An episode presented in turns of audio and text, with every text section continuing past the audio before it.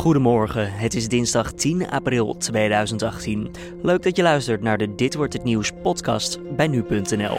Mijn naam is Julian Dom en ik praat je deze ochtend bij over het nieuws van vandaag, met daarin aandacht voor de kwalificatiewedstrijd van onze Oranje Leeuwinnen en een aanklacht tegen minister Ferdinand Grapperhaus.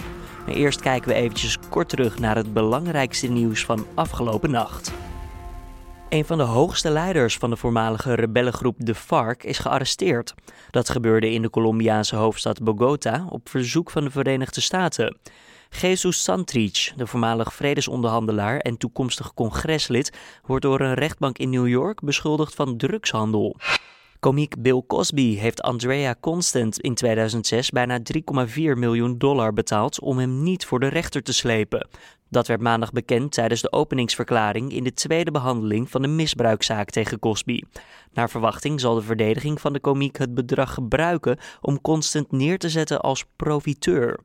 De FBI heeft een inval gedaan in het kantoor van Michael Cohen, de persoonlijke advocaat van de Amerikaanse president Donald Trump. Dat meldt de New York Times.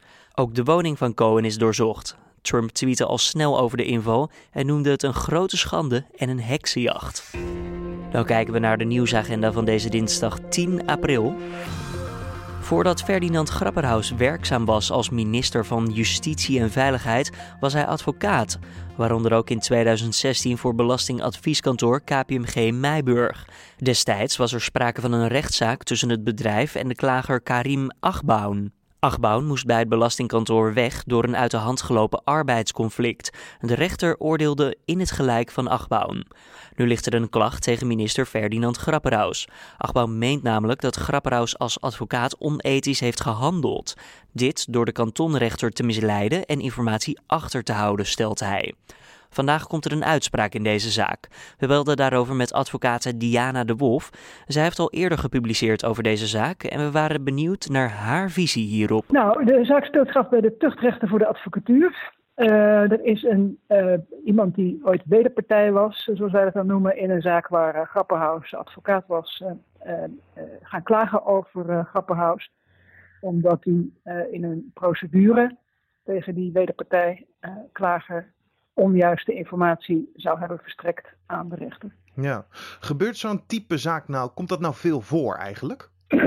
nou, dit, vergelijkbare zaken die, die tref je een paar keer per jaar aan.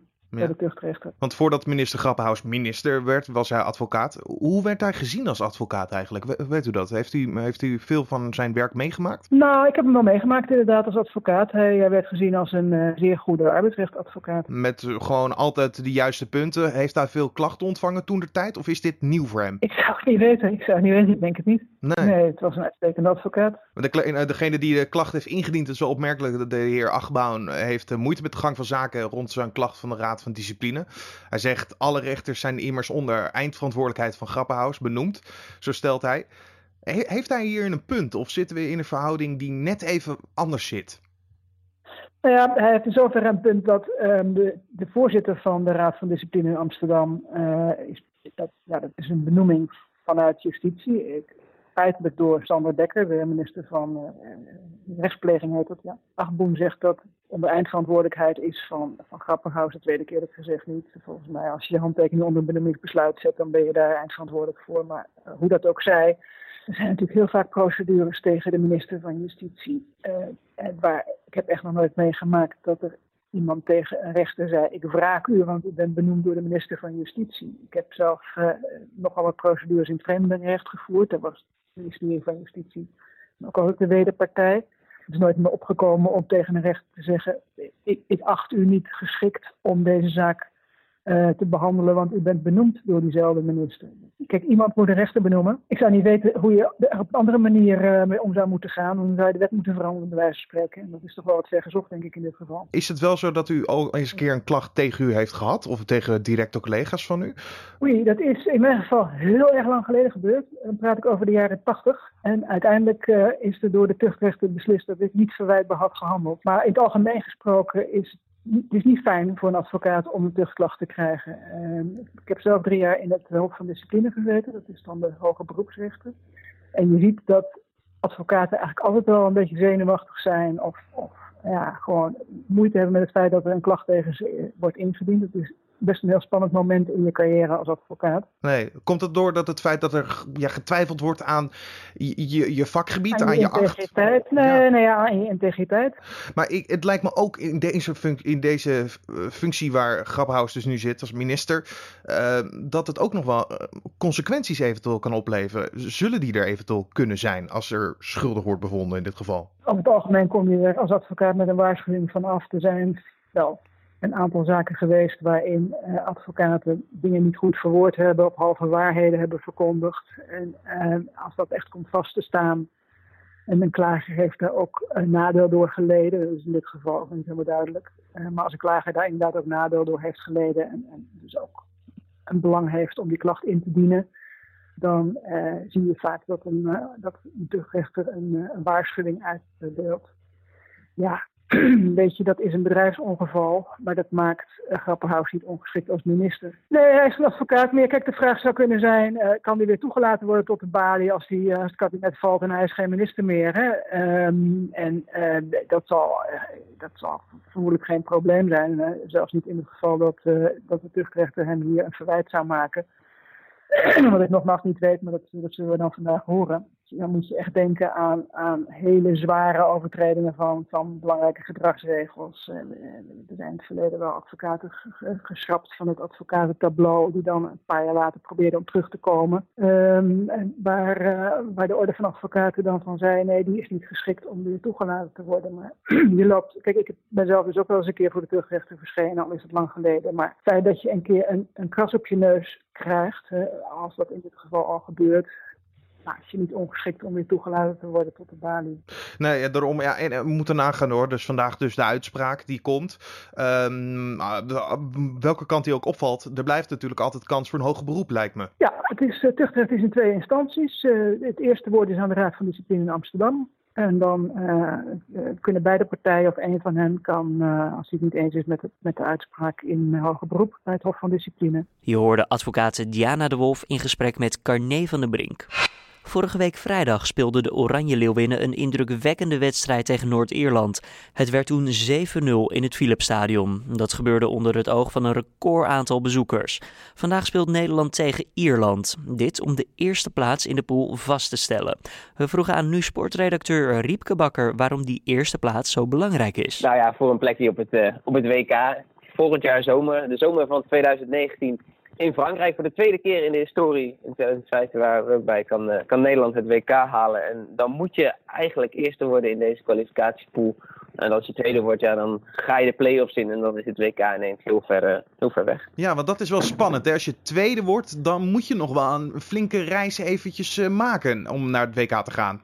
Ja, de, de, voor alle de vier beste nummers twee van iedere pool. Nou ja, de, je moet eerst maar dan weer bij die beste vier nummers twee zien te komen.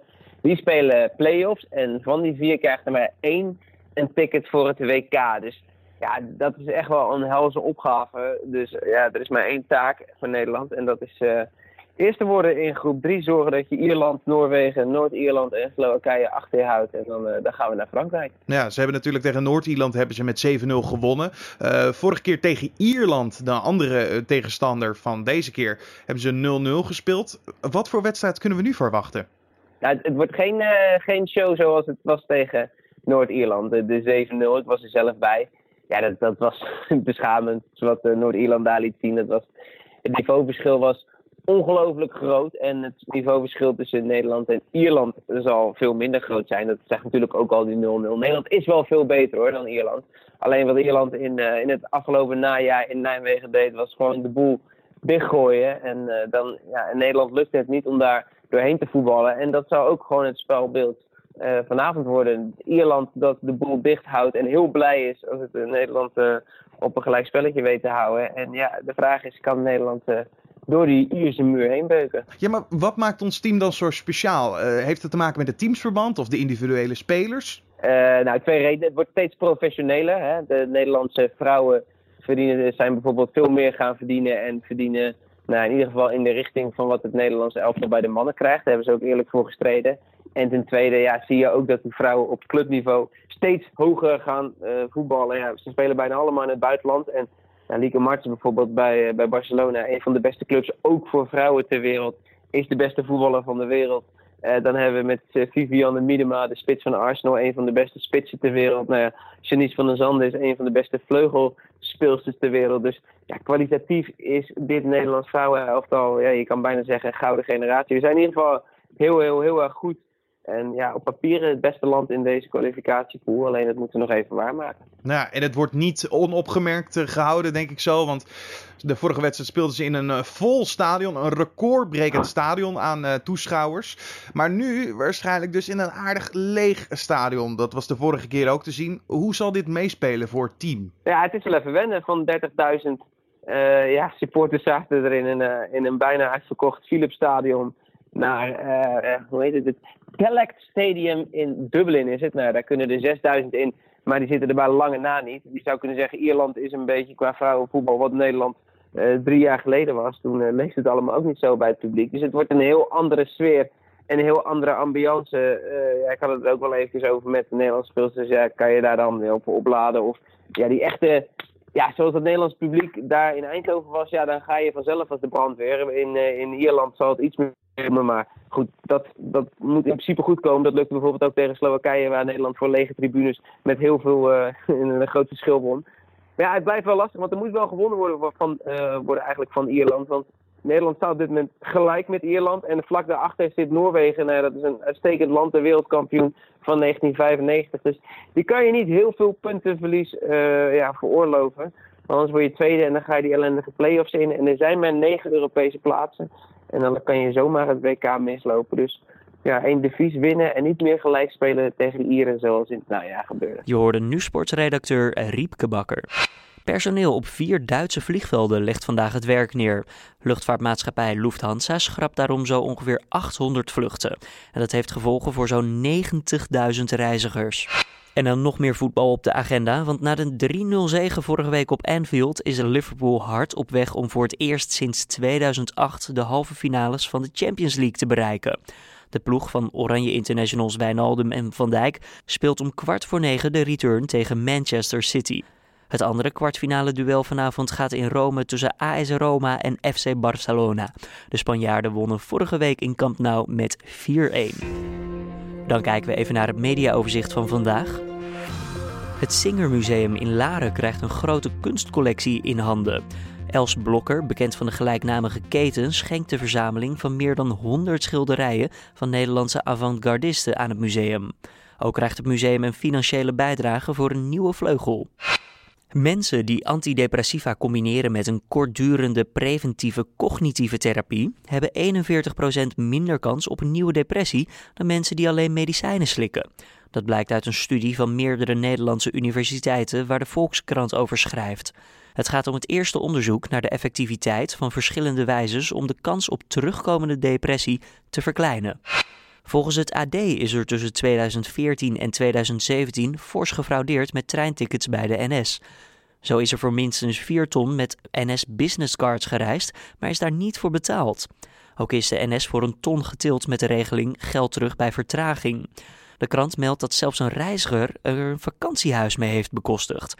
De NS zelf erkent dat er voor minstens een half miljoen euro is gefraudeerd. Dan kijken we even naar de weersverwachting van deze dinsdag 10 april.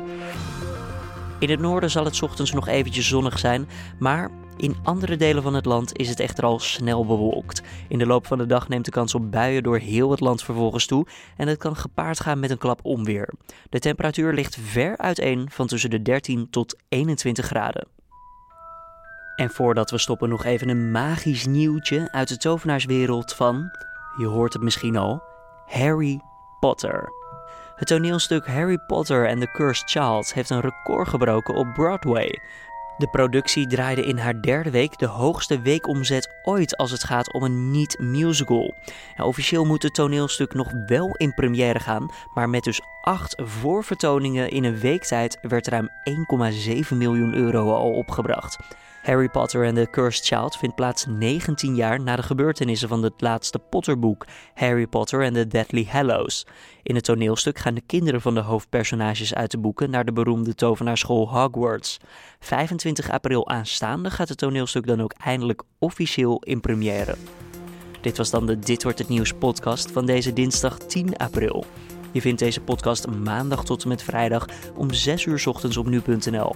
Vond je het een leuke podcast of heb je gewoon iets om met ons te delen?